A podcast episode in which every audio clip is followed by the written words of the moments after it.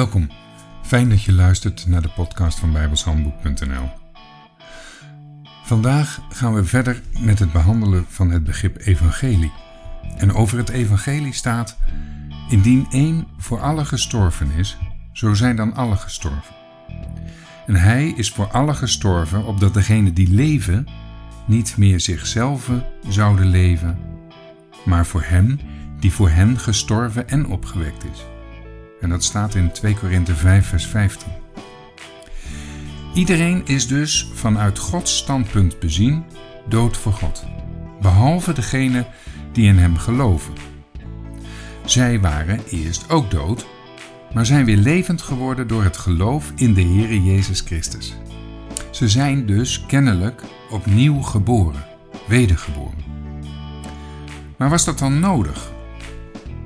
Ja, want eerst konden zij God niet dienen en nu wel. God heeft de mensen dus bekwaam gemaakt om de levende God te dienen. Het is belangrijk om het zo te zeggen, omdat het niet om ons draait, maar om God. Hij is de schepper en wij zijn zijn schepsel. Hij wil gediend worden door degene die hij gemaakt heeft en dat lijkt me logisch. Als jij bijvoorbeeld een fiets maakt, dan wil je ook dat die fiets doet waarvoor je hem gemaakt hebt, namelijk jou van A naar B brengen. Als die fiets er zomaar vanzelf vandoor gaat, dan heb je niets aan zo'n ding. Of nog erger, als hij gestolen wordt, dan ben je hem gewoon kwijt. Dit lijkt een absurd voorbeeld, omdat je een fiets meestal koopt of krijgt en het een ding is dat niet kan denken. Maar toch is de vergelijking zo gek nog niet. Als ik jouw fiets zou zijn en ik zou er zelf vandoor gaan, dan heb jij niets meer aan mij.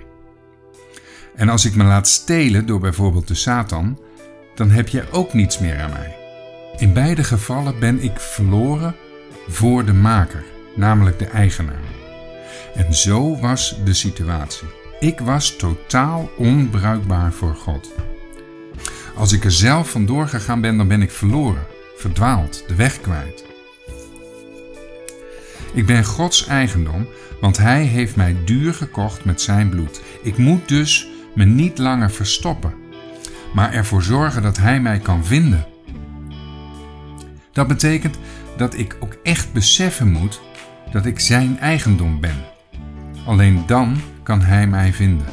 God kan me nu namelijk heel goed gebruiken, of beter gezegd, Hij wil mij en jou natuurlijk ook heel graag gebruiken. En mocht ik gestolen zijn, wel de dief Satan is opgepakt en onschadelijk gemaakt. God heeft ervoor gezorgd dat ik weer geschikt ben voor gebruik.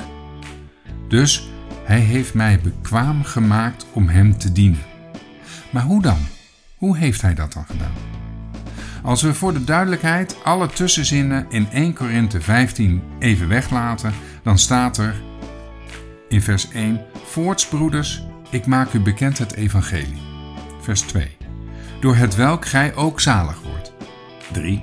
Dat Christus gestorven is voor onze zonde, naar de schriften. 4. En dat hij is begraven en dat hij is opgewekt ten derde dagen, naar de schriften. Ik zal het even samenvatten. Punt 1. Door het evangelie word je zalig. Punt 2. Het evangelie houdt in 1. Christus is gestorven voor onze zonde. 2. Hij is begraven. 3. Christus is ten derde dagen opgestaan. Door het verlossingswerk van Christus, namelijk door zijn dood en opstanding, zijn wij bekwaam gemaakt om de levende God te dienen.